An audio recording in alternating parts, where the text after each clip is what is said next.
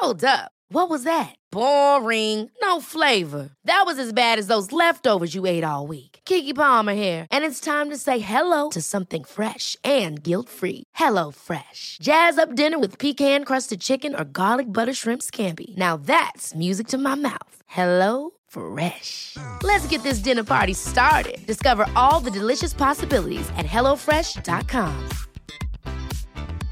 Imagine the softest sheets you've ever felt. Now imagine them getting even softer over time. That's what you'll feel with Bowl and Branch's organic cotton sheets. In a recent customer survey, 96% replied that Bowl and Branch sheets get softer with every wash. Start getting your best night's sleep in these sheets that get softer and softer for years to come. Try their sheets with a 30-night guarantee. Plus, get 15% off your first order at bowlandbranch.com. Code BUTTERY. Exclusions apply. See site for details. Hey, it's Ryan Reynolds, and I'm here with Keith, co star of my upcoming film, If, only in theaters, May 17th. Do you want to tell people the big news? All right, I'll do. Sign up now and you'll get unlimited for $15 a month in six months of Paramount Plus Essential Plan on us. Mintmobile.com slash switch. Upfront payment of $45 equivalent to $15 per month. Unlimited over 40 gigabytes per month. Face lower speeds. Videos at 480p. Active Mint customers by 531.24 get six months of Paramount Plus Essential Plan. Auto renews after six months. Offer ends May 31st, 2024. Separate Paramount Plus registration required. Terms and conditions apply if rated PG. Den här podcasten sponsras av Valio. Valio utvecklar och säljer produkter för människors hälsa och välmående med fokus på magen. I en ny undersökning från Valio visade det sig att de som främst drabbas av magproblem är unga kvinnor. Bland dem upplevde hela 46 procent dagliga problem med magen och den vanligaste orsaken var stress. Det är någonting som jag tillsammans med Valio vill försöka ändra på. Läs mer på www.lugnamagen.nu för mer information om maghälsa. Här kommer veckans avsnitt.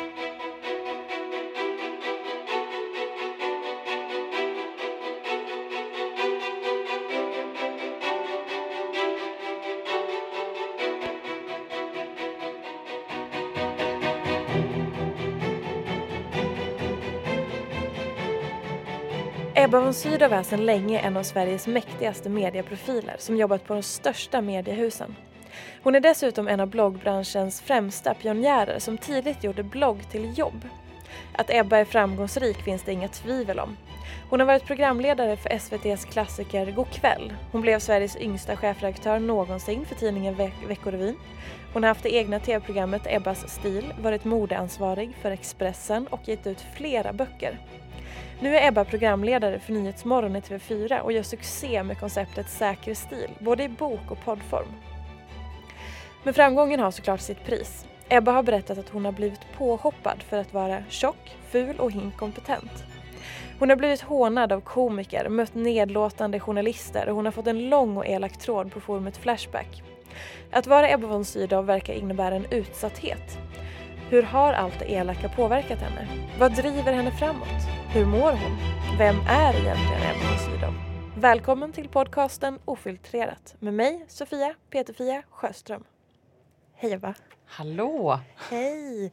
Finns det en sån lång tråd? Det, det, har jag faktiskt inte ens koll på. Det kanske är bra att du inte har koll på. Ja. Det är bara jag som har googlat fram och eh, fascinerats över... Eh... Men du vet, du får ju liksom inte föda det genom att ens klicka in på såna grejer. Så tänker nej. jag. Ja, nej men det är bra. Hålla sig borta. Ja, det är lika bra. Ja. Alltså tror man att man kommer hitta någonting vettigt i ett sånt forum egentligen? Nej, man gör inte det. Nej. Så nästa gång, skippa det. Ja. Gör som jag. Det är alltså din taktik? Att skippa? Nej, det är det verkligen inte. Jag intervjuar ju eh, väldigt många människor i, i mitt jobb och jag blir alltid lika fascinerad av eh, folk som säger att de inte läser. Jag kommer ihåg till exempel när jag intervjuade Carl Philip och prinsessan Sofia inför deras bröllop och eh, Sofia berättade just att liksom, hon läser inte. Så tänker jag så här, hur läser man inte?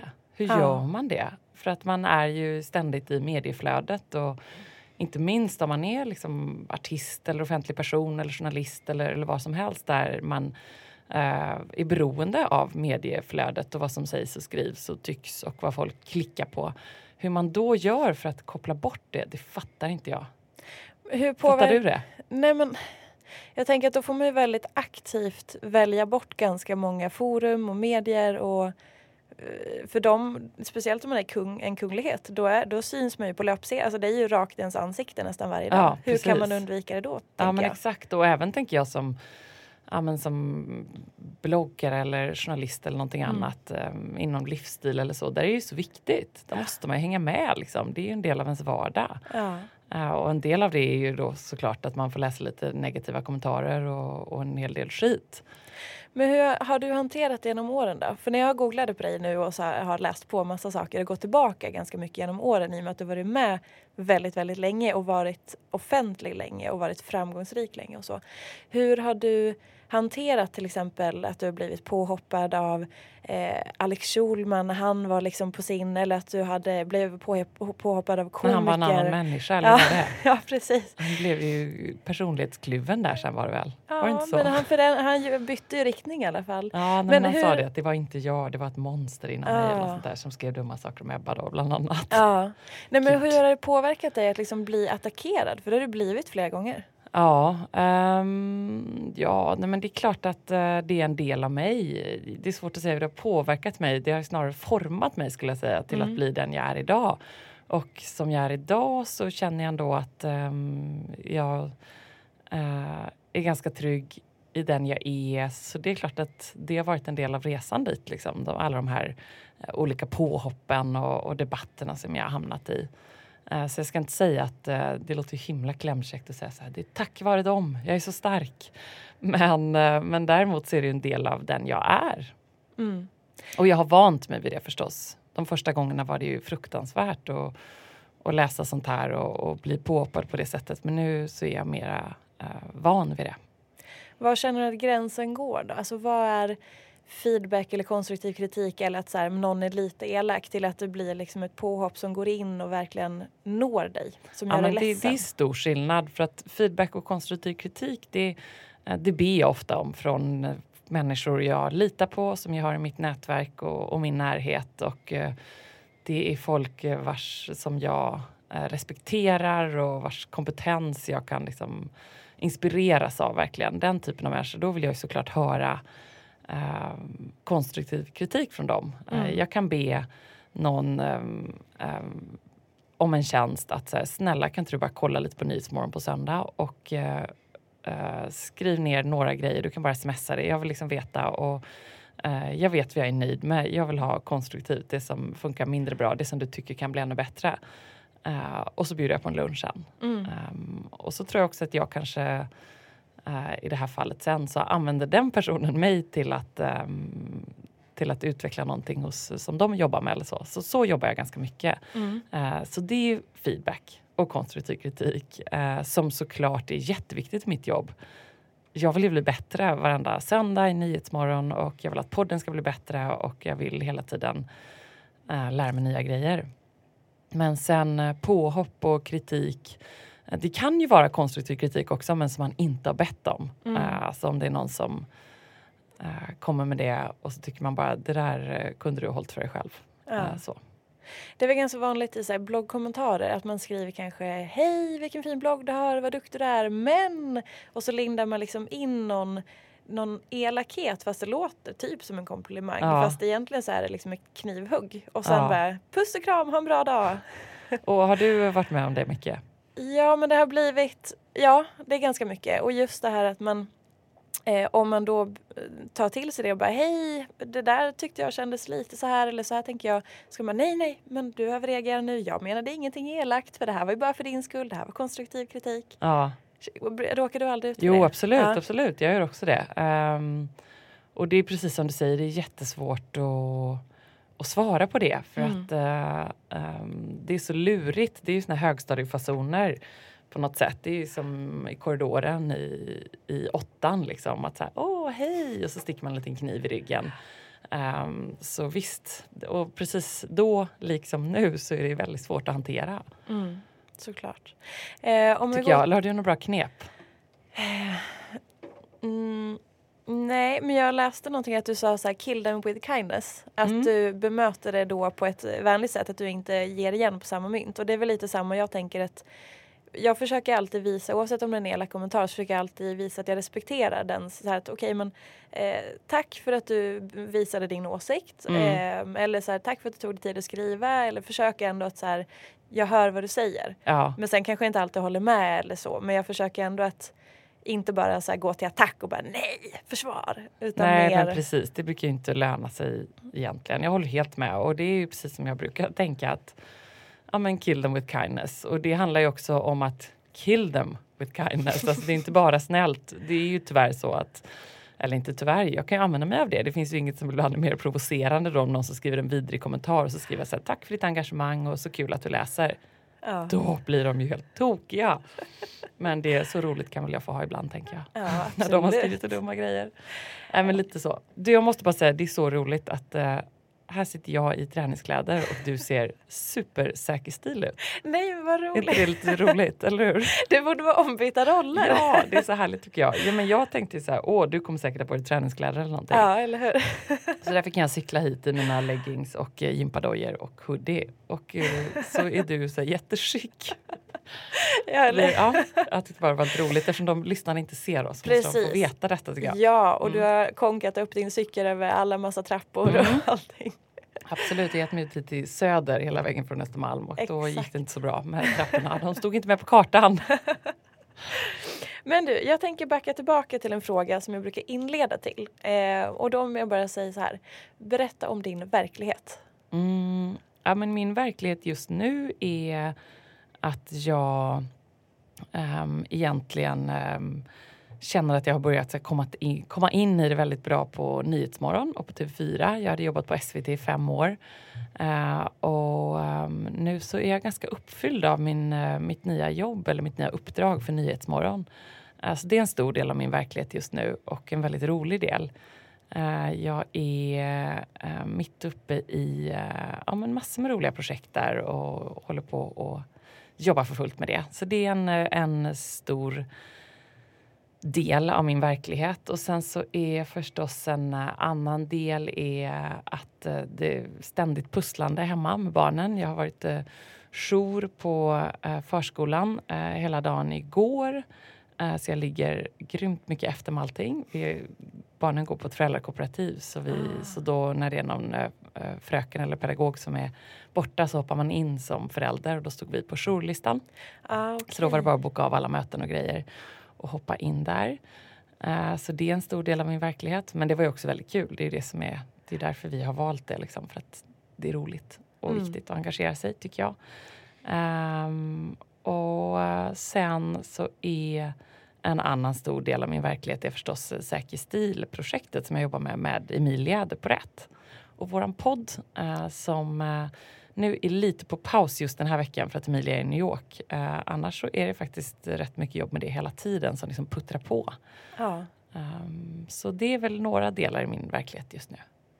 Det är så roligt att du eh, berättar om så här, Nyhetsmorgon och Säker stil och liksom allt det här som, som många ser. Och det är det man tänker så här, okej okay, okay, Ebba, ja men hon jobbar på Nyhetsmorgon, hon jobbar med Säker stil, hon verkar jobba jättemycket. Men hon ska berätta någonting som man inte ser, eller så. Det här föräldrapusslet ser vi ju inte så mycket. Men om, kan du dela med dig av någonting som är din verklighet som liksom inte är lika synligt? Om du förstår vad jag menar. Ja, fast det är nog också ganska typiskt kanske för hur jag jobbar och att det är så att jag menar, mitt, och så är det ju med många som du intervjuar här i den här podden att för dem så är ju liksom livet och jobbet mm.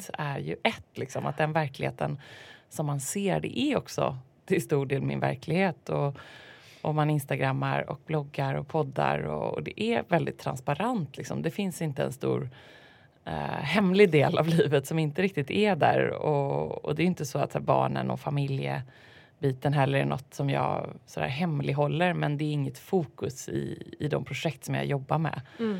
Uh, där är jag inte främst mamma utan där är jag främst um, programledare eller författare eller, eller vad det nu kan vara. Um, så någon del som man inte ser så mycket av. Det skulle väl vara det då som jag sa som en del av min verklighet egentligen. Mm. Att jag var jour på förskolan hela dagen igår. Och det ser man ju inte. Vad intressant att du säger att just att det är så transparent och att det, är, det man ser det är ju verkligheten. För det är en del jag pratar med som har varit så här ja, men man, bloggvärlden, man ska inte tro på allt man ser och allt är förskönat och det är så mycket som pågår bakom kulisserna som inte ja. når läsarna. Och... Ja men så är det ju såklart också. Ja. Alltså det, ja, men jag lyssnade på Petra Tungården här, tyckte jag var jättebra avsnitt i din podd. Och eh, eh, hon berörde ju det lite grann också, att så här, det verkligheten ser inte ut så. Mm. Jag skrattade så när de skulle spela in det här programmet Glamorama som ni skulle få en uppföljare, att det var liksom inte överhuvudtaget så glammigt som man ville att det skulle vara. Och det har jag varit med om tusen gånger. Då kommer någon journalist från någon utländsk tidning och så hittar de mig och så frågar de om de kan få följa mig en dag. Och inget är så jobbigt som den typen av reportage för att då måste man liksom samla ihop massa glammiga härliga grejer till en hel dag och så blir mm. den dagen skitstressig och så hinner man egentligen inte med sitt riktiga jobb. uh, för att man då ska liksom fika en dag som är sådär som alla tror. Um, så, så, så är det ju absolut. Det, det ska jag liksom inte säga att det är, det är transparent men Ja, fast jag tycker ändå det är transparent för att det är inte så att jag säger att jag ligger vid en pool hela dagen liksom, och Nej. att uh, uh, gud vilken underbar dag när jag suttit med en latte liksom. Det tror jag inte någon som följer mig tror. Um, utan jag sitter på mitt älskade kontor uh, som jag skaffade när jag sa upp, mig från, um, sa upp mitt kontrakt med SVT. Uh, då skaffade jag en egen lokal och där uh, har jag nu äntligen kommit i ordning och där sitter jag och jobbar. Jag menar, det är ett vanligt jobb på många sätt också. Och vad är det? Ja, men det är mejla, det är ordna med kontrakt, det är organisera och strukturera och fixa med fakturor och dribbla med kvitton och planera.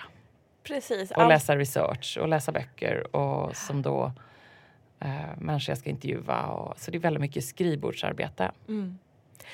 Vad skulle du säga är eller så här, beskriv relationen till ditt jobb. För som du sa tidigare så är ju relationen, eller jobbet och livet är ju ett. Jag brukar själv tänka på det att eh, jobbet blir som en livsstil ibland. Att man så här, mm. Jag försöker sätta mina gränser och kanske inte jobba så mycket på helger men jag kan lika väl sitta en timme klockan tio på kvällen för att jag är lite sugen på att bli av med någonting och liksom så. Det är inte så att det är jobbigt. Ibland kan det vara det om man är stressad men det, det går ju väldigt mycket ihop. Mm. Hur, vad är ja, men jag relation? känner verkligen igen mig i det du säger. Det går så mycket ihop och jag är så glad för det. Ja. De gångerna jag blir liksom stressad över det, att man nästan aldrig är ledig, så försöker jag ändå påminna mig om att um, den goda sidan av att det är så mycket, det är ju att jag får betalt och uh, jobbar med det som jag tycker är allra roligast. Mm. Nästan hela tiden. Sen är det ju som på alla jobb, jag menar det är inte alltid att jag har sån tur att man vaknar den där söndagen och ska jobba i rutan och är sitt allra bästa jag. Eh, då kräver det liksom extra mycket ansträngning och eh, en ännu större insats för att mm. Eh, ändå leverera till 100 procent och helst lite till. Men så är det på alla jobb tror jag. Det tror jag verkligen alla kan känna igen sig liksom. Man mm. har bra och dåliga dagar. Skulle du säga att du är en eh, prestations... Men jag ska säga de dåliga dagarna då tänker liksom inte jag helskott jag borde göra någonting annat utan då försöker jag istället som folk kanske tycker då. Man pratar ju med, ja, med mina tjejkompisar som har mera vanliga jobb som sitter på kontor eller så tänker de så här, vad är det jag gör, men vad gör jag på dagarna och så där. Då tänker jag istället att ja, men jag gör ju ändå detta som är så roligt någonstans. Mm. Och vad skulle du säga att du är en prestationsmänniska? Ja, absolut. Um, det, det, måste jag väl säga att jag är, tror mm. jag. Hur påverkar... Beror också på vad lägger man i begreppet. Liksom. Ja. Vad tänker du kring det? Uh, nej men, att man piskar på sig själv egentligen? Ja men egentligen Alltid. att det kan vara lite kravfyllt eller ja. att man känner att man kan inte göra någonting halvdant. Man vill leverera, som du sa, lite mer än 100 procent. Ja. Uh, att man inte vill vara bra utan man vill vara bäst. Mm. Eh, kanske också att det kan finnas en tendens till att det går lite överstyr ibland. Det behöver inte vara så att man mår, det kan gå så långt att man mår dåligt av det mm. eller bara att man känner lite press eller prestationsångest ibland eller kanske jag vet inte, svårt att släppa. Ja. Eller så. Nej men så är det nog absolut. Jag har i och för sig blivit bättre på det tycker jag. Betydligt bättre mm. på att tänka att uh, good enough, det är något annat mantra som jag har verkligen för mig själv. Att uh, nu får det duga, det får bli bra det här. Mm bättre att få det färdigt och få det gjort och lagt till handlingarna än att sitta och um, bara ha ångest över det. Det tror jag att jag lärde mig ganska mycket som krönikör. Jag har jobbat väldigt mycket som krönikör genom åren. Och då allt från tv-kröniker till modekröniker till ledarkröniker, eller ledar, men du vet den här första sidan i mm. tidningar och så. I fredagsbilagan och i Veckorvin. Och där måste man ju till slut, om man ska leverera alla dessa kröniker varje eviga vecka, måste man ju bara lära sig att så här, nu blir detta bra. Så, nu skriver jag någonting. Och på samma sätt så har jag ju skrivit, vad är det, sju böcker nu. Och det tror jag också att jag har gjort genom att just tänka att det här duger, det här blir bra. Ja. Nu kör vi på det här. Vad intressant för det är så otroligt svårt. Jag håller på Ja, med... gud ja. Jag är ju verkligen inte, men jag blir bättre på det. Jag sa inte att jag var bra på det. Nej. Hugo, vad sa du du håller på med? Nej, men jag har, min andra bok kommer ut i augusti. Eh, jag kom ut med min första för ungefär ett år sedan. Och den första tyckte jag var, det var roligt, det var lätt, det var så spännande och nytt allting. Och nu den här andra boken, det, är så här, det har varit så svårt. För jag har känt som press på mig själv och bara så här, nej men tänk om folk kommer jämföra det här med första boken. Det här är någonting helt annat och det här kommer ju vara jätte, jättesvårt och tänk om ingen vill läsa och det var bara en, e- alltså det, det har bara surrat och det har varit, jag har liksom sittit, suttit och bara jag kan inte skriva en rad idag, det går inte. För Nej. att det har kommit upp så mycket så här hjärnspöken. För att den första kändes så himla bra. Och vad heter den andra? Trappträning den. handlar en träningsbok om Mm. eh, hur man kan träna liksom, på ett enkelt sätt. Mm. Och det är bara så, alltså det, jag, nu är jag nöjd, för nu, nu ser jag ju slutprodukten. Men vägen dit har varit jättesvår. Och då Men tänker det är ju sju- när du fastnar i att eh, just sitta där och man kan inte skriva en rad. Nej, Det får ju inte, det får man inte fastna i. Nej. Det gäller både dig och mig liksom, för att det är vårt jobb. precis. Eh, och då kan man inte sitta där och liksom vänta på inspiration och det kommer inte bli bättre av att man så här, ehm, bara väntar till nästa dag utan man måste ju bara göra det. Ja, verkligen. Och då brukar jag alltid tänka att det är bättre att skriva en jättedålig sida Ja, och sen så kan jag sätta mig och då kan jag ta en kaffe sen för det tycker jag ändå hjälper. Ja, men då tar jag och unnar jag mig att ta mig en härlig latte eller så tar jag mig en liten promenad eller någonting runt kvarteret och sen så kan jag liksom komma tillbaka och så ser man den här sidan och så bara gud vad det här var dåligt. Ja, men och så, då triggar ju det någonting. ja, Då börjar man ju ändra i det och sen blir det någonting bra. Men att så här, skriv någonting asdåligt bara. Men bara man, skriv det. ja, för då har man ändå någonting att utgå ifrån. Det är Ja. lättare än att det är tomt papper. Och så ska man Precis. sitta där och ordbajsa och bara nej. Ja, men fast det är ju typ ordbajs som man nästan måste göra då. De är Ja. dåliga också. Och sen eh, justera, ja. ja, förgylla ordbajset. Ja, nej men den som blir författare det är ju inte den som skriver bäst. Nej. Det är den som skriver klart. ah, vad skönt. Skön pepp. Nej men så är det alltså. Det är verkligen, eh, jag har läst så många böcker om skrivprocessen och om att skriva böcker också i jakten på att liksom hitta den perfekta processen. Mm. Uh, Bodil Malmsten har skrivit så bra om det. Jag läste faktiskt om hennes eh, bok om att skriva nu och hennes olika texter kring det när hon eh, gick bort här. Ehm, det finns andra sådana böcker. Jag tycker det här är superintressant. Men det som alla säger som verkligen har lyckats skriva liksom, de här bestsellerböckerna och alla romaner, det är just att här, skriv bara klart. Ja. För att det är så många fantastiska böcker som ligger där ute i byrålådor eller i datorn idag. Mm. Eh, som är sju av tio kapitel. Men det blir världens sämsta bok för den är inte klar. Nej, precis. Eh, så det är verkligen så man måste tänka. Och alltså, ingen begåvad författare eller skribent har ju suttit och väntat på inspiration. Mm. Alla gör ju liksom... ehm, nu blir jag så engagerad så att mina lurar ut. Eh, Ingen fara. Så. alla duktiga säger det. Jan Guillou till exempel. Han har liksom skrivtid. Du Mm. vet, det är sitt på rumpan mellan eh, sju på morgonen och tre på eftermiddagen eller vad det nu är. Och då skriver man. Det är inte roligare än så. Liksom. Man bara gör. Ja. Ja. Så gjorde Emilia och jag när vi skrev vår Säker stilbok och vi jobbar med en uppföljare nu som, eh, som är i en startfas. Men jag kan nästan se fram emot det för då bokade vi in just tider att vi hade pass, skrivpass Mm. eh, mellan 10 och 2 på fredagar. Eh, och då var det liksom en kort debrief om vad som har hänt privat och sådär men sen så var det bara att skriva och jobba. Och så bara kör ni. Ja. Och sen så när klockan är två, då lämnar ni det och går vidare till nästa projekt.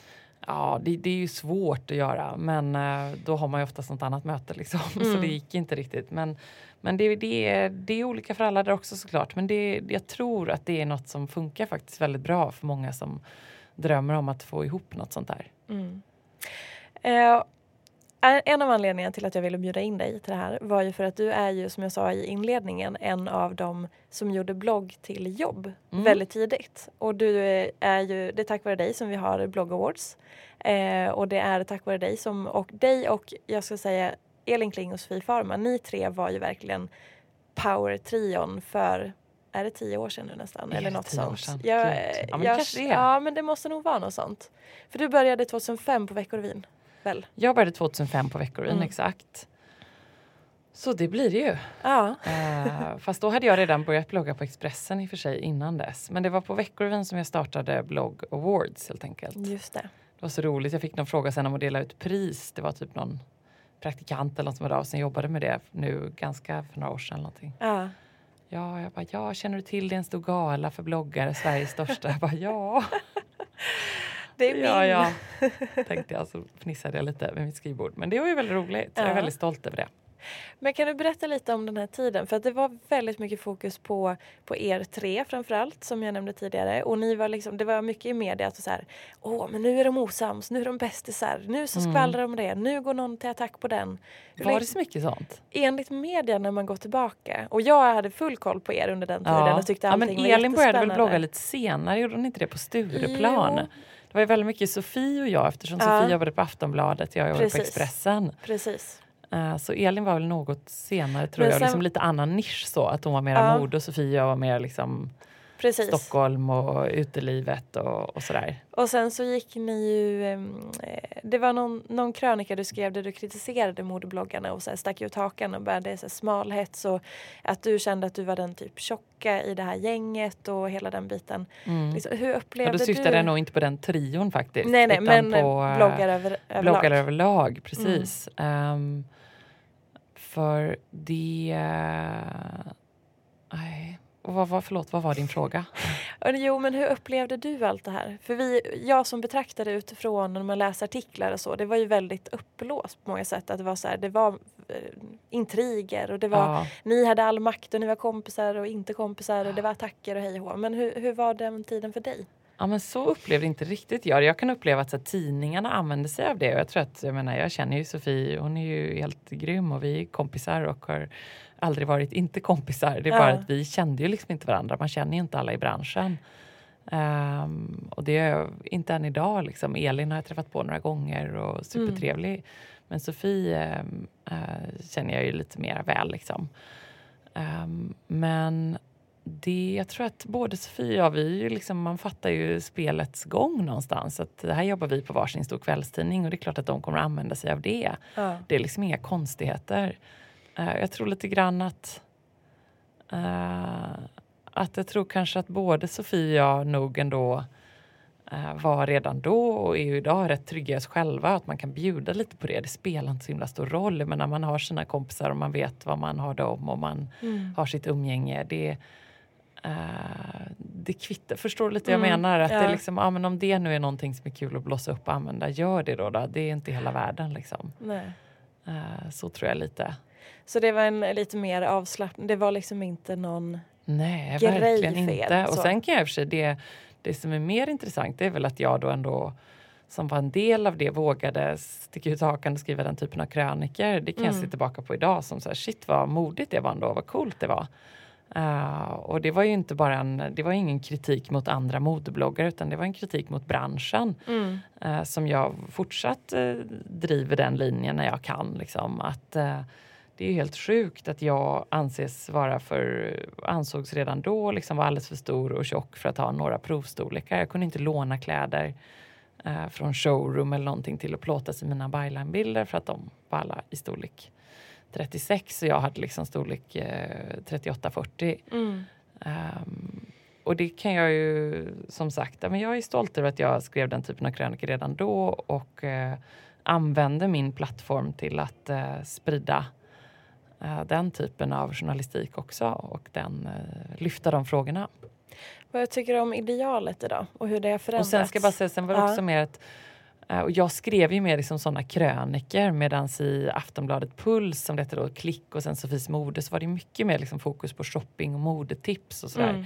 Medan i den tidningen som jag jobbade med och var redaktör för så var det mer eh, livsstil och liksom kändisar och åsikter och sådär. Så det var lite olika, så lite Mm. orättvist var det väl av dem att så jämföra hela tiden. eh, men det är roligt, Sofia jag kan skratta åt det då. Ja, vad bra. Ja. Eh, och idealet har ju förändrats ganska mycket från om vi tittar tillbaka då när den här tiden var och idag. Eh, tidigare så var ju idealet att man skulle vara väldigt smal bara, eller rätt och slätt så.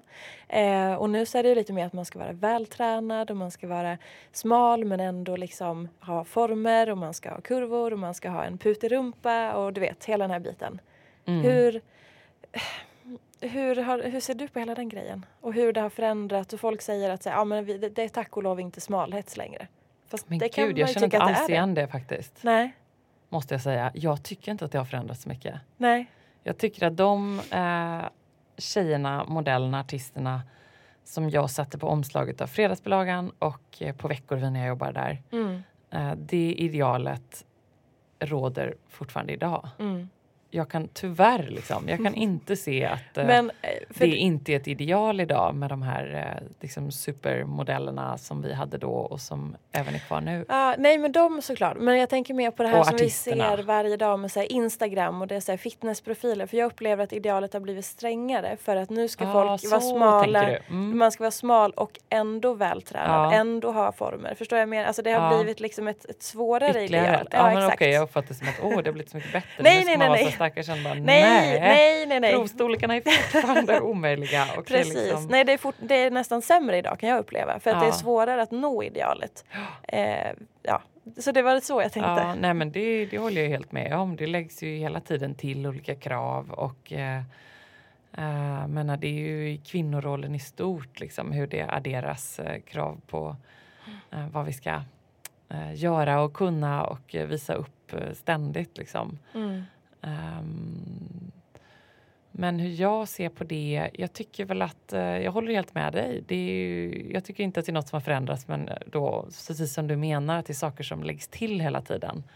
Eh, och sen kan jag i och för sig tycka sen när man ser på alla kampanjer för liksom träningsmärken och, och nu när det börjar gå mot sommar, liksom badmärken och så att eh, visst mm, och, men framförallt liksom träningskläderna så är det så här, de är ju egentligen bara jättesmala fast de sätter på dem träningskläder. Exakt. Eh, idealet är ju ganska likt. Det är ju liksom inga normala tränade starka tjejer som syns i träningsmärkenas kampanjer utan det är ju trådsmala modeller Mm. som de har penslat lite svett på liksom. Ja. Eh, och satt en vattenflaska i handen. Eh, Ja. så. Hur eh, påverkar det dig, hela den id- idealet? Eller att du har blivit, folk vill att du ska förändra Jag tänkte velat. intressant att sitta och lyssna. Hur är idealet egentligen? så uppenbarligen är jag helt eh, out of it. Nej Ja. men jag, ehm, det är klart att det påverkar mig i egenskap av mitt jobb eftersom, eller i egenskap av programledare. Mm. Eh, och Det, eftersom jag, jag syns hela tiden i rutan, det är ju helt galet men jag har ju ett jobb där eh, utseendet är viktigt Mm. såklart. Och folk kommenterar och tror att du är gravid hela tiden har jag förstått. Ja precis, det är jag inte. Det är ju fascinerande att folk alltid ska hålla på med det där. Ja. Är hon gravid? Nej, är hon inte trött. gravid? Alltså vad är det? Varför? Jag förstår inte. Nej, men och där är också tycker jag så roligt för det kommer precis som du sa de här lite så här välmenande kommentarerna att det är inte så ofta så här åh är du gravid utan så här grattis vad kul åh en trea så roligt och man bara men åh ännu värre. Nej men jag menade bara att du såg och så får man sen höra så här nej men jag tyckte bara att du hade sånt glow du var så vacker. Man bara yeah right. Ehm, så det är tröttsamt såklart. Men eh, återigen det är en del av det väldigt speciella jobb man har som programledare att man blir kritiserad för sitt utseende trots att eh, eh, merparten av jobbet handlar ju förstås om att leverera bra i rutan och göra riktigt bra intervjuer och skapa en härlig stämning i programmet som gör att folk vill eh, hänga med oss där i Nyhetsmorgon Mm. och i andra program som jag jobbar med. Men lik förbannat så är det viktigt. Ja. Vad skönt att du ändå känns så liksom obrydd i det. För jag kan inte, alltså det blir någonstans här, om man får höra någonting tillräckligt många gånger så tänker jag att till slut så har de kanske hackat sig in eller att man känner Ja, men och någonstans. det kanske de har. Jag menar, det är ju det kanske de har. Det är ju en del av mig tror jag. Mm. Så, återigen, så här, det är ju så jag är. Jag är ju formad av att jag har under 10-15 år ständigt fått kommentarer om mitt utseende. Det är klart att det har format mig. Jag har ingen eh, stål, eh, ingen, jag har ingen rustning som bara kan eh, eh, göra att alla de kommentarerna rinner av mig. Det har jag verkligen inte. Och blir det så, då skulle jag nästan se det som en väckarklocka för att då är det ju läskigt. Mm. Om jag liksom inte tar till mig överhuvudtaget då vore jag ju omänsklig, eller hur? Ja. Det vore ju helt sjukt liksom, att jag bara får höra sådana kommentarer. Jag bara, ni, gud, ni är dumma, ni vet inte vad ni pratar om för att jag tar åt mig. Ja. Men det är en del av mig. Och som svar på din fråga om det har format mig, alltså hur, vad, vad det gör mig eller hur det påverkar mig så, så är det klart att det gör det. Jag tänker ju på, liksom, på storlek och hur jag ser ut och Um, om det passar eller inte och, och varför, uh, varför jag får de här liksom, tjockkommentarerna. Så det är klart mm. att jag mm. tänker på det. Och vad gör jag åt det? Ja, men jag tränar och jag försöker tänka lite grann på vad jag äter och försöker hålla någon slags sund balans. Um, men jag vill ändå tro att jag hade gjort det annars också. Mm. Um, min mamma är läkare, min syrra är dietist och också läkare och inriktad på liksom näringslära. Och jag har i min närhet många liksom som är väldigt duktiga på den uh, sunda uh, balansen kring det där och varför det är viktigt att uh, käka bra och träna. Mm. Uh, så för mig, jag gör ju det till större del för att må bra uh, och för att leva länge och vara frisk uh, än att jag gör det för att jag ska komma i den där klänningen till sändningen. Mm. Så det är väl också det, liksom, varför gör man det? Att det är viktigt. Ja, men det är klart. Eller hur? Mm. Nej, men såklart. Det, men det är också... För att jag är alltid fascinerad över de som säger att nej men allting bara rinner av mig. Och då bara, men hur? Som vi sa ja. där i början, hur är det möjligt? Att man inte kan bli påverkad. Ja. Så det känns lite skönt att du säger att jo men det finns ju där men du vill försöka, alltså, ja. Ja men det gör det, men jag, och ja. som sagt jag tror också att jag hade nog eh, Ja, men jag hoppas att eh, um, även om jag uh, slutar jobba i rutan, vilket jag, jag menar, jag kommer kanske inte göra det här hela mitt liv, uh, så hoppas jag att det inte kommer liksom förändras så mycket utan att jag vill fortsätta träna och må bra och uh, se känna mig snygg och mm. trygg i, i min kropp och i, i, hur jag är och ser ut och så oavsett om jag syns i rutan eller inte. Mm, såklart. Men det är klart att det, det, är viktigt. Så det är dubbelt. Det finns inget enkelt svar på det. Liksom.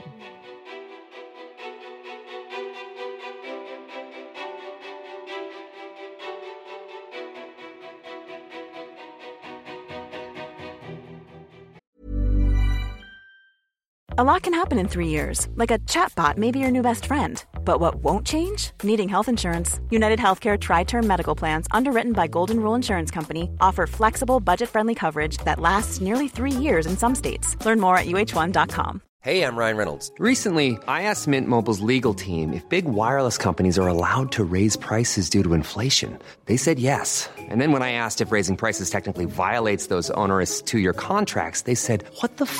are you talking about, you insane Hollywood ass? So to recap, we're cutting the price of Mint Unlimited from $30 a month to just $15 a month. Give it a try at mintmobile.com slash switch. $45 up front for three months plus taxes and fees. Promoting for new customers for limited time. Unlimited more than 40 gigabytes per month. Slows. Full terms at mintmobile.com. Many of us have those stubborn pounds that seem impossible to lose, no matter how good we eat or how hard we work out. My solution is plush care PlushCare is a leading telehealth provider with doctors who are there for you day and night to partner with you in your weight loss journey. They can prescribe FDA-approved weight loss medications like Wagovi and Zepbound for those who qualify. Plus, they accept most insurance plans. To get started, visit plushcare.com slash weight loss. That's plushcare.com slash weight loss. Hold up. What was that? Boring. No flavor. That was as bad as those leftovers you ate all week. Kiki Palmer here, and it's time to say hello to something fresh and guilt-free. Hello Fresh. Jazz up dinner with pecan-crusted chicken or garlic butter shrimp scampi. Now that's music to my mouth. Hello Fresh. Let's get this dinner party started. Discover all the delicious possibilities at hellofresh.com.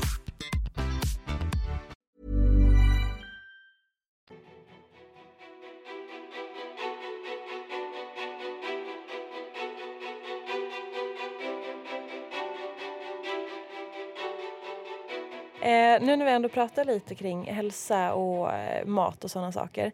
Eh, vi har en eh, huvudsponsor till eh, den här podden som är Valio och de gör ju laktosfria produkter framförallt. Eh, och de är väldigt nyfikna på att höra från framförallt dig eh, en speciell fråga som kommer här till dig. Eh, och vad har du för knep för att förbättra din eh, maghälsa? För vi, I samband med den här podden så vill vi liksom lyfta det här med att här, många har problem med magen eller många kanske känner att de inte lyssnar på sin magkänsla eller att man tycker att det är lite jobbigt med magen för att den tar ganska mycket fokus i ens mående. Man kan bli stressad och så. Och jag upplever att många blir väldigt liksom besatta av hur magen ser ut och hur man känner. Är jag lite svullen nu? Jag kanske är allergisk för att det är så här, glutentrender och sådana saker.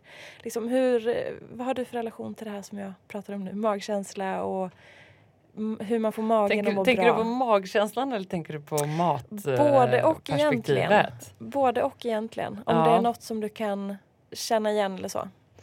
Ehm, ja, nej, men det sägs väl att um, ja, men, ont i magen att det är ju liksom ofta en, ett tecken på att man är stressad och att magen säger ifrån och sådär. Mm.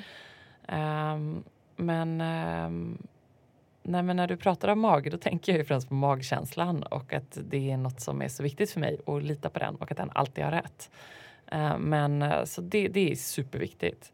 Men sen vad gäller eh, gluten och, och vad var det mer du sa där kring liksom laktos, stress och eller stress och och känna sig svullen och sånt. Ehm, nej, alltså jag är varken laktosintolerant eller glutenintolerant eller, eller någonting sånt.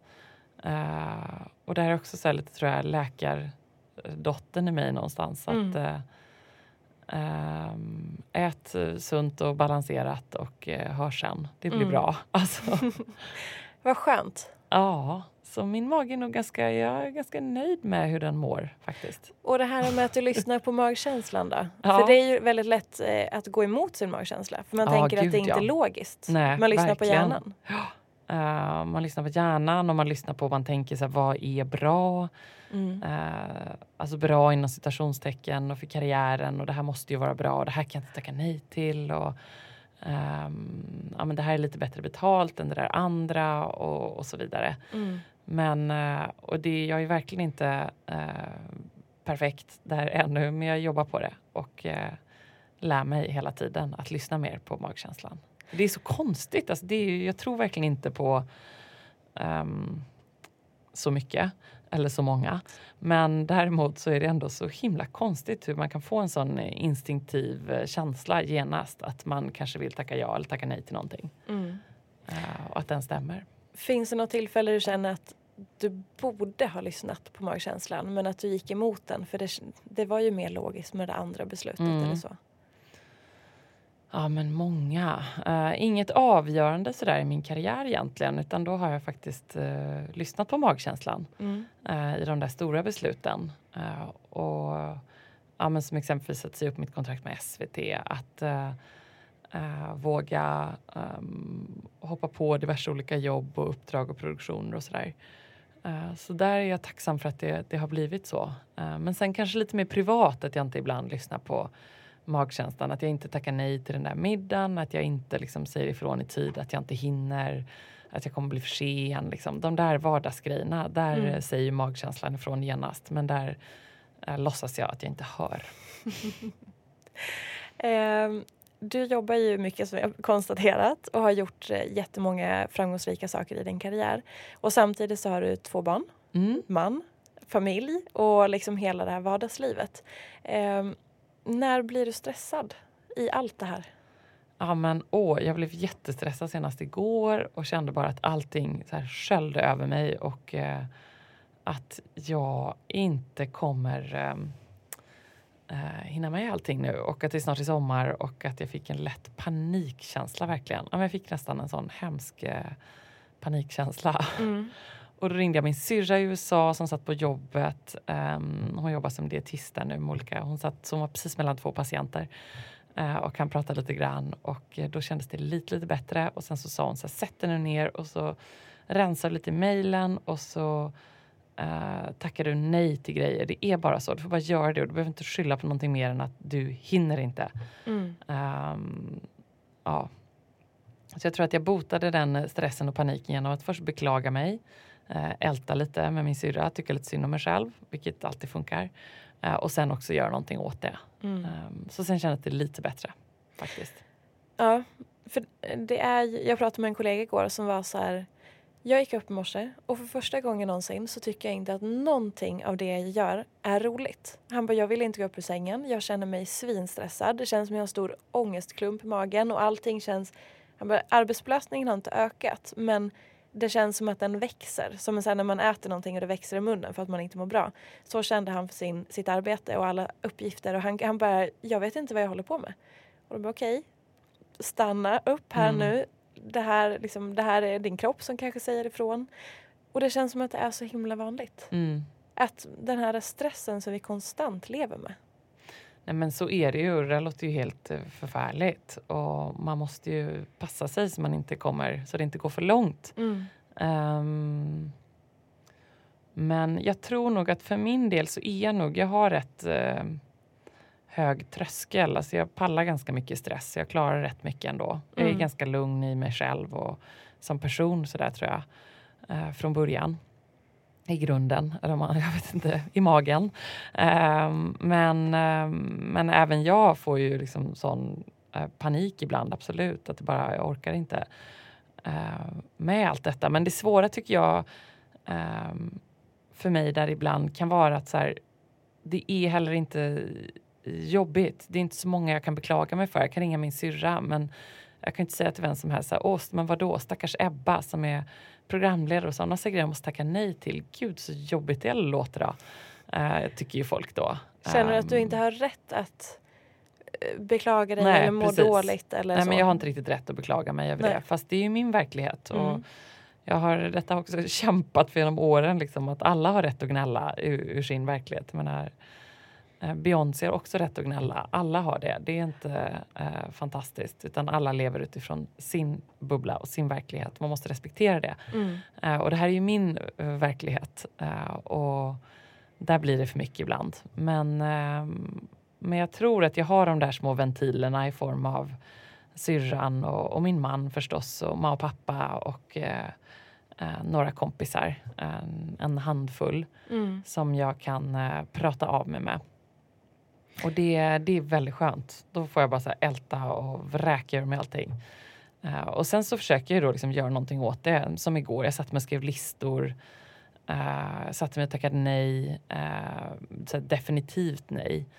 Eh, och det är ju massor med fantastiska projekt liksom, som är så roliga. Men så är det väl bara. Eh, och så tänker jag sådär, men man måste smida medan järnet är varmt, säger alla då. Och när man frågar någon kanske så här, om man ska tacka nej eller inte till någonting så tycker de såklart, men herregud, kan jag inte tacka nej till det där? Liksom. Ja. Eh, Men det måste jag göra. Och så får jag bara räkna iskallt med att eh, det kommer fler roliga erbjudanden och inte glömma det där att man blir faktiskt lite mer attraktiv och spännande när man tackar nej ibland Mm. också. Eh, och jag har ju trots allt nu jobbat med det här i, vad konstaterade vi, över Fem, 15 år har Ja, jag jobbat med det. någonting. Mm. Eh, 15 år har jag jobbat med detta och eh, så det där med att smida medan järnet är varmt det tar jag lite med ro nu när folk säger till mig faktiskt. Jag Mm. tror att det grejar sig. säger folk det fortfarande? Ja men absolut. Så här, passa på, du måste ju ta det här nu. Och liksom. Vad intressant med tanke på hur liksom erfaren du är i Ja men de branschen. tänker kanske inte på det. det är, de är i sin bubbla. Ja. Men någonting som jag eh, tyckte var lite tråkigt när jag läste de här eh, artiklarna och googlade dig så var att jag uppfattade, nu får du rätta mig om jag har fel, men att en del journalister eller i intervjuer och så att de har varit lite nedlåtande. När de har så här, det var till och med någon som hade skrivit en artikel i sin fråga. Det var så här, ja men frågan och så var det ditt svar. Och bara, men Ebba lilla gumman hur ska du få ihop det här? Mm. Det är ju, det är ju inte okej. Nej. Att form, har, är det här någonting du har upplevt? Eller? Ja men om jag har. Alltså, Ja. Det är ju eh, det är väl något som driver mig i och för sig i min ehm, och som jag, som, som jag har med i min eh, agenda. Förstår du? Alltså, Mm. Det är superviktigt för mig som jag själv har varit utsatt för det så många gånger. Och just den frågan som du nämner, men jag har fått en det är helt galet att jag får den i en av de största tidningarna i Sverige. Så frågar de, men lilla gumman, hur ska du få ihop det här? Ja, du vet vad jag Vill menar. Jag, jag vet precis vad du menar. Då tänker jag så här, gud, men frågar de Gustaf Fridolin det liksom? Men lille gubben, hur ska du få ihop det här nu? Det var till och med från en annan kvinna. Ja, men, Mm. eh, men liksom fråga dem en, en kille i eh, maktposition om detta. Aldrig någonsin. Det är liksom inte okej. Eh, och eh, jag tror att vad jag har gjort är att jag har ju liksom samlat på mig de grejerna och så tänker jag så här, ja men det här ska jag nog använda mig av någon gång. Mm. Det här kommer jag inte glömma och tänk vad intressant att jag får den här frågan. Ja. Ibland gör jag så och ibland så blir jag bara jättesur. Eh, och lite uppgiven också om jag ska vara helt ärlig. Ja. Kan känna så här, men herregud. Och just att det får jag ju också så många gånger även av folk välvilligt. Det där var ju inte välvilligt riktigt. Men ibland får man ju välvilligt frågan att så här, men hinner du verkligen det här? Får du verkligen ihop det här? Mm. Eh, och då kan jag också känna så här, men jag driver mitt eget bolag här. Jag har eh, kontroll över hur jag ska liksom leverera det här och X och Y och uppfylla alla krav. Och det är lugnt, det löser sig. Men just att man får den där frågan. Klappen på huvudet. Ja, men lite så. Lillvän. Eh, mm. Eh, men sen är det väl också en del av att jag såklart då bloggar och skriver. Mm. Och klart att jag ibland skriver om hur stressigt det är och sådär. Och det kanske inte är så smart då, då för att då blir folk lite så här, oj men hon har det så stressigt. Men där är ju bloggen också någonstans en, eh, en kanal som man fyller med innehåll liksom. Mm. Och, eller jag vet inte hur du ser på det, men det, där skriver man ju Absolut. ibland saker som är bra att skriva och som man tycker är engagerande. Men man använder det av sina egna erfarenheter för att det blir bra. Och det är också ett sätt att visa att man är människa. Mm. I, för att i media så kan man ju uppmålas som allt annat än en människa. Att man Mm. är så här superwoman och man är liksom företagare eller allt möjligt. Och då kan det vara skönt kanske att visa att så här, ja men jag är precis som ni, jag har en dålig dag, jag känner så Mm. här eller nu pågår detta i mitt liv eller jag känner liksom att få vara Ebba också. Mm. Eller människa eller Fia eller, Ja men eller så. precis. Men det svåra med det tycker jag det är när man då jag skulle vilja skriva mer av den typen. Jag har gjort det tidigare. Jag funderar på att kanske börja göra det igen. Men att man skriver om det där när man har en dålig dag. Mm. Ehm, men då kommer jag ju till jobbet sen kanske. Om jag kommer in till fyra exempelvis. Mm. Och då ser jag ju att kollegor har läst det och säger de så här, ah, är du, är du okej? Och så är man så här, ja men alltså jag är okej. Ah. Nu ska vi göra jobbet här. Det är inga konstigheter. Det där skrev jag i bloggen. Mm. Men jag kan också um, skyffla bort det där och fokusera och göra ett jättebra jobb. Och jag tycker det är toppen att vara här. Men att man då måste förklara det för dem. Mm. Förstår du? Det är lite Mm. svårt när man har den kombinationen av uppdrag som jag har. Eh, eller att skriva att man, jag sovit fem minuter för att barnen har varit sjuka och allt vad det är. Mm. Och så kommer man in till jobbet sen på morgonen. Eh, men då är jag rätt bra på att så här, bort med det, nu är vi här. Fast folk kan ju inte riktigt fatta det kanske då. Nej. Vilket man inte kan kräva av dem heller. Nej. Men förstår du? De säger, men Ja. gud, jag bara inte du jättetrött. Bara, Nej, men alltså nu ska vi ju göra ett program här. Ja, jag förstår. Jag, Eller om man är ledsen över någonting. Ja. Eller om det är någon sorg som har drabbat en eller så. Jag brukar, eh, för jag tycker väldigt mycket om att skriva mm, ganska personligt och skriva om just de här dåliga dagarna eller liksom dela med mig av den sidan. Men då brukar jag aldrig skriva, eller väldigt sällan eh, när det händer just precis nu. Utan då brukar jag vinkla det till att ja, men för ett par dagar sedan så kände jag så här. Fast jag kanske sitter och skriver det här och nu. Men just för att det inte ska påverka om jag ska göra någonting på dagen eller någon så, Ja. så, så formulerar jag som att det var för några dagar sedan. För Fast jag då- försökte men jag kan inte det. Det blir liksom inte samma grej. Ah. Det är samma som att jag inte kan förinställa blogginlägg och, ett, och Instagram och Facebook. Och så här, det blir inte samma grej. Åh, vad intressant. Det är det enda jag gör. Ja men gud, och det är ju fantastiskt att du kan det. Men jag Ja. kan inte det.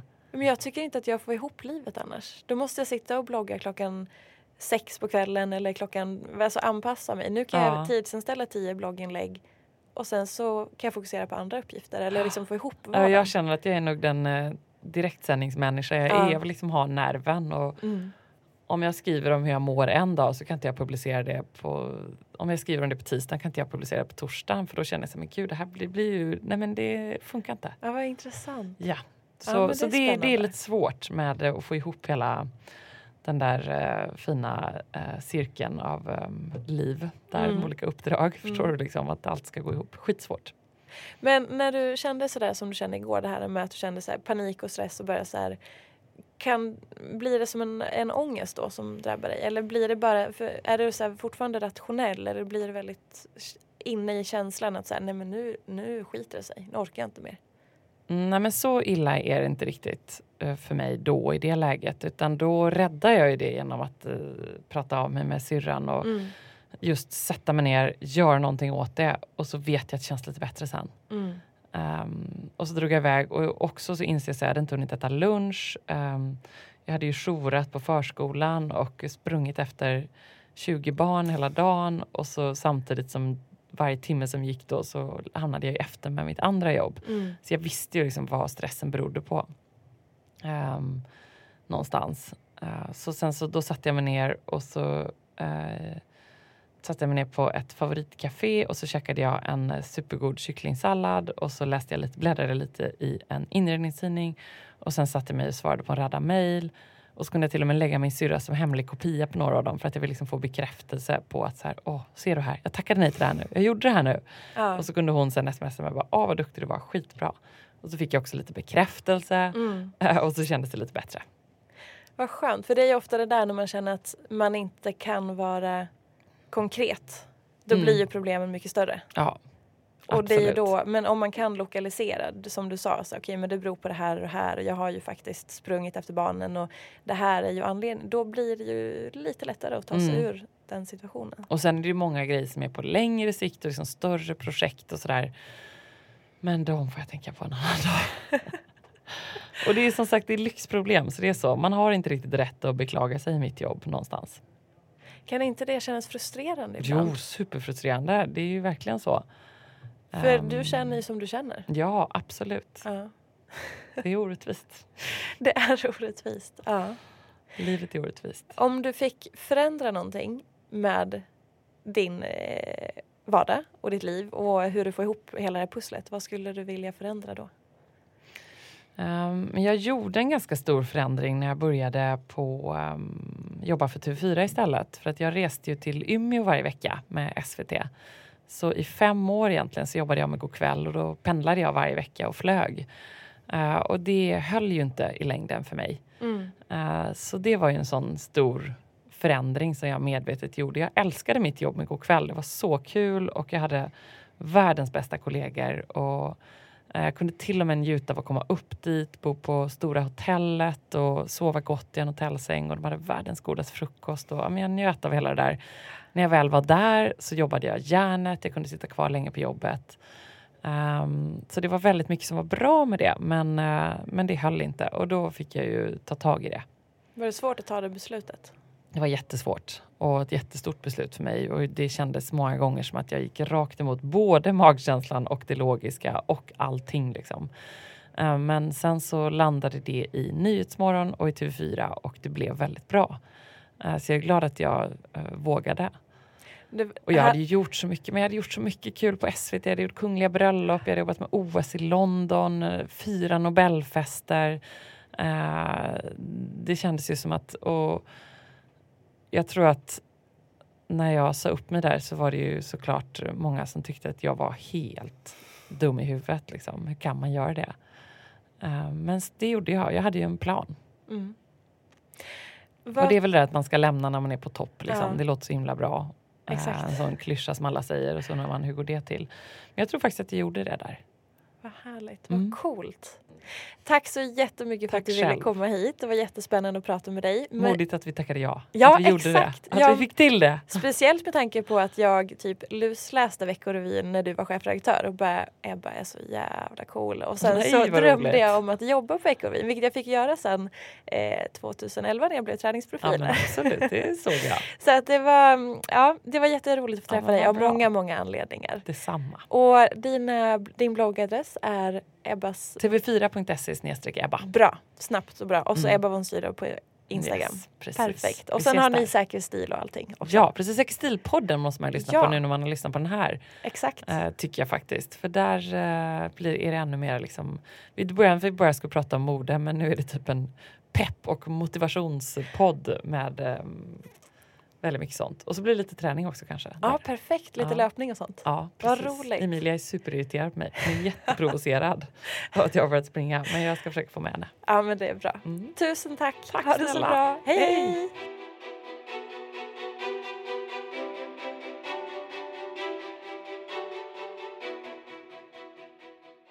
Som avslutning på veckans avsnitt så vill jag dra några siffror från en ny rapport från Valio.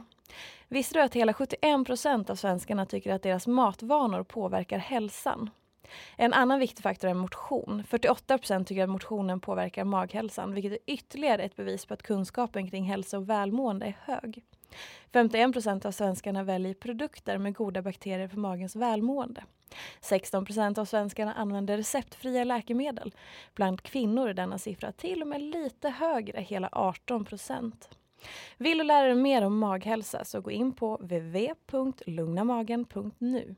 Vi hörs nästa vecka med det nya avsnittet. Hej då! Jag vill rikta ett stort tack till eh, produktionsbolaget Oh My som hjälper till att producera den här podden och geniet Emil Sjölin som klipper. Tusen tack!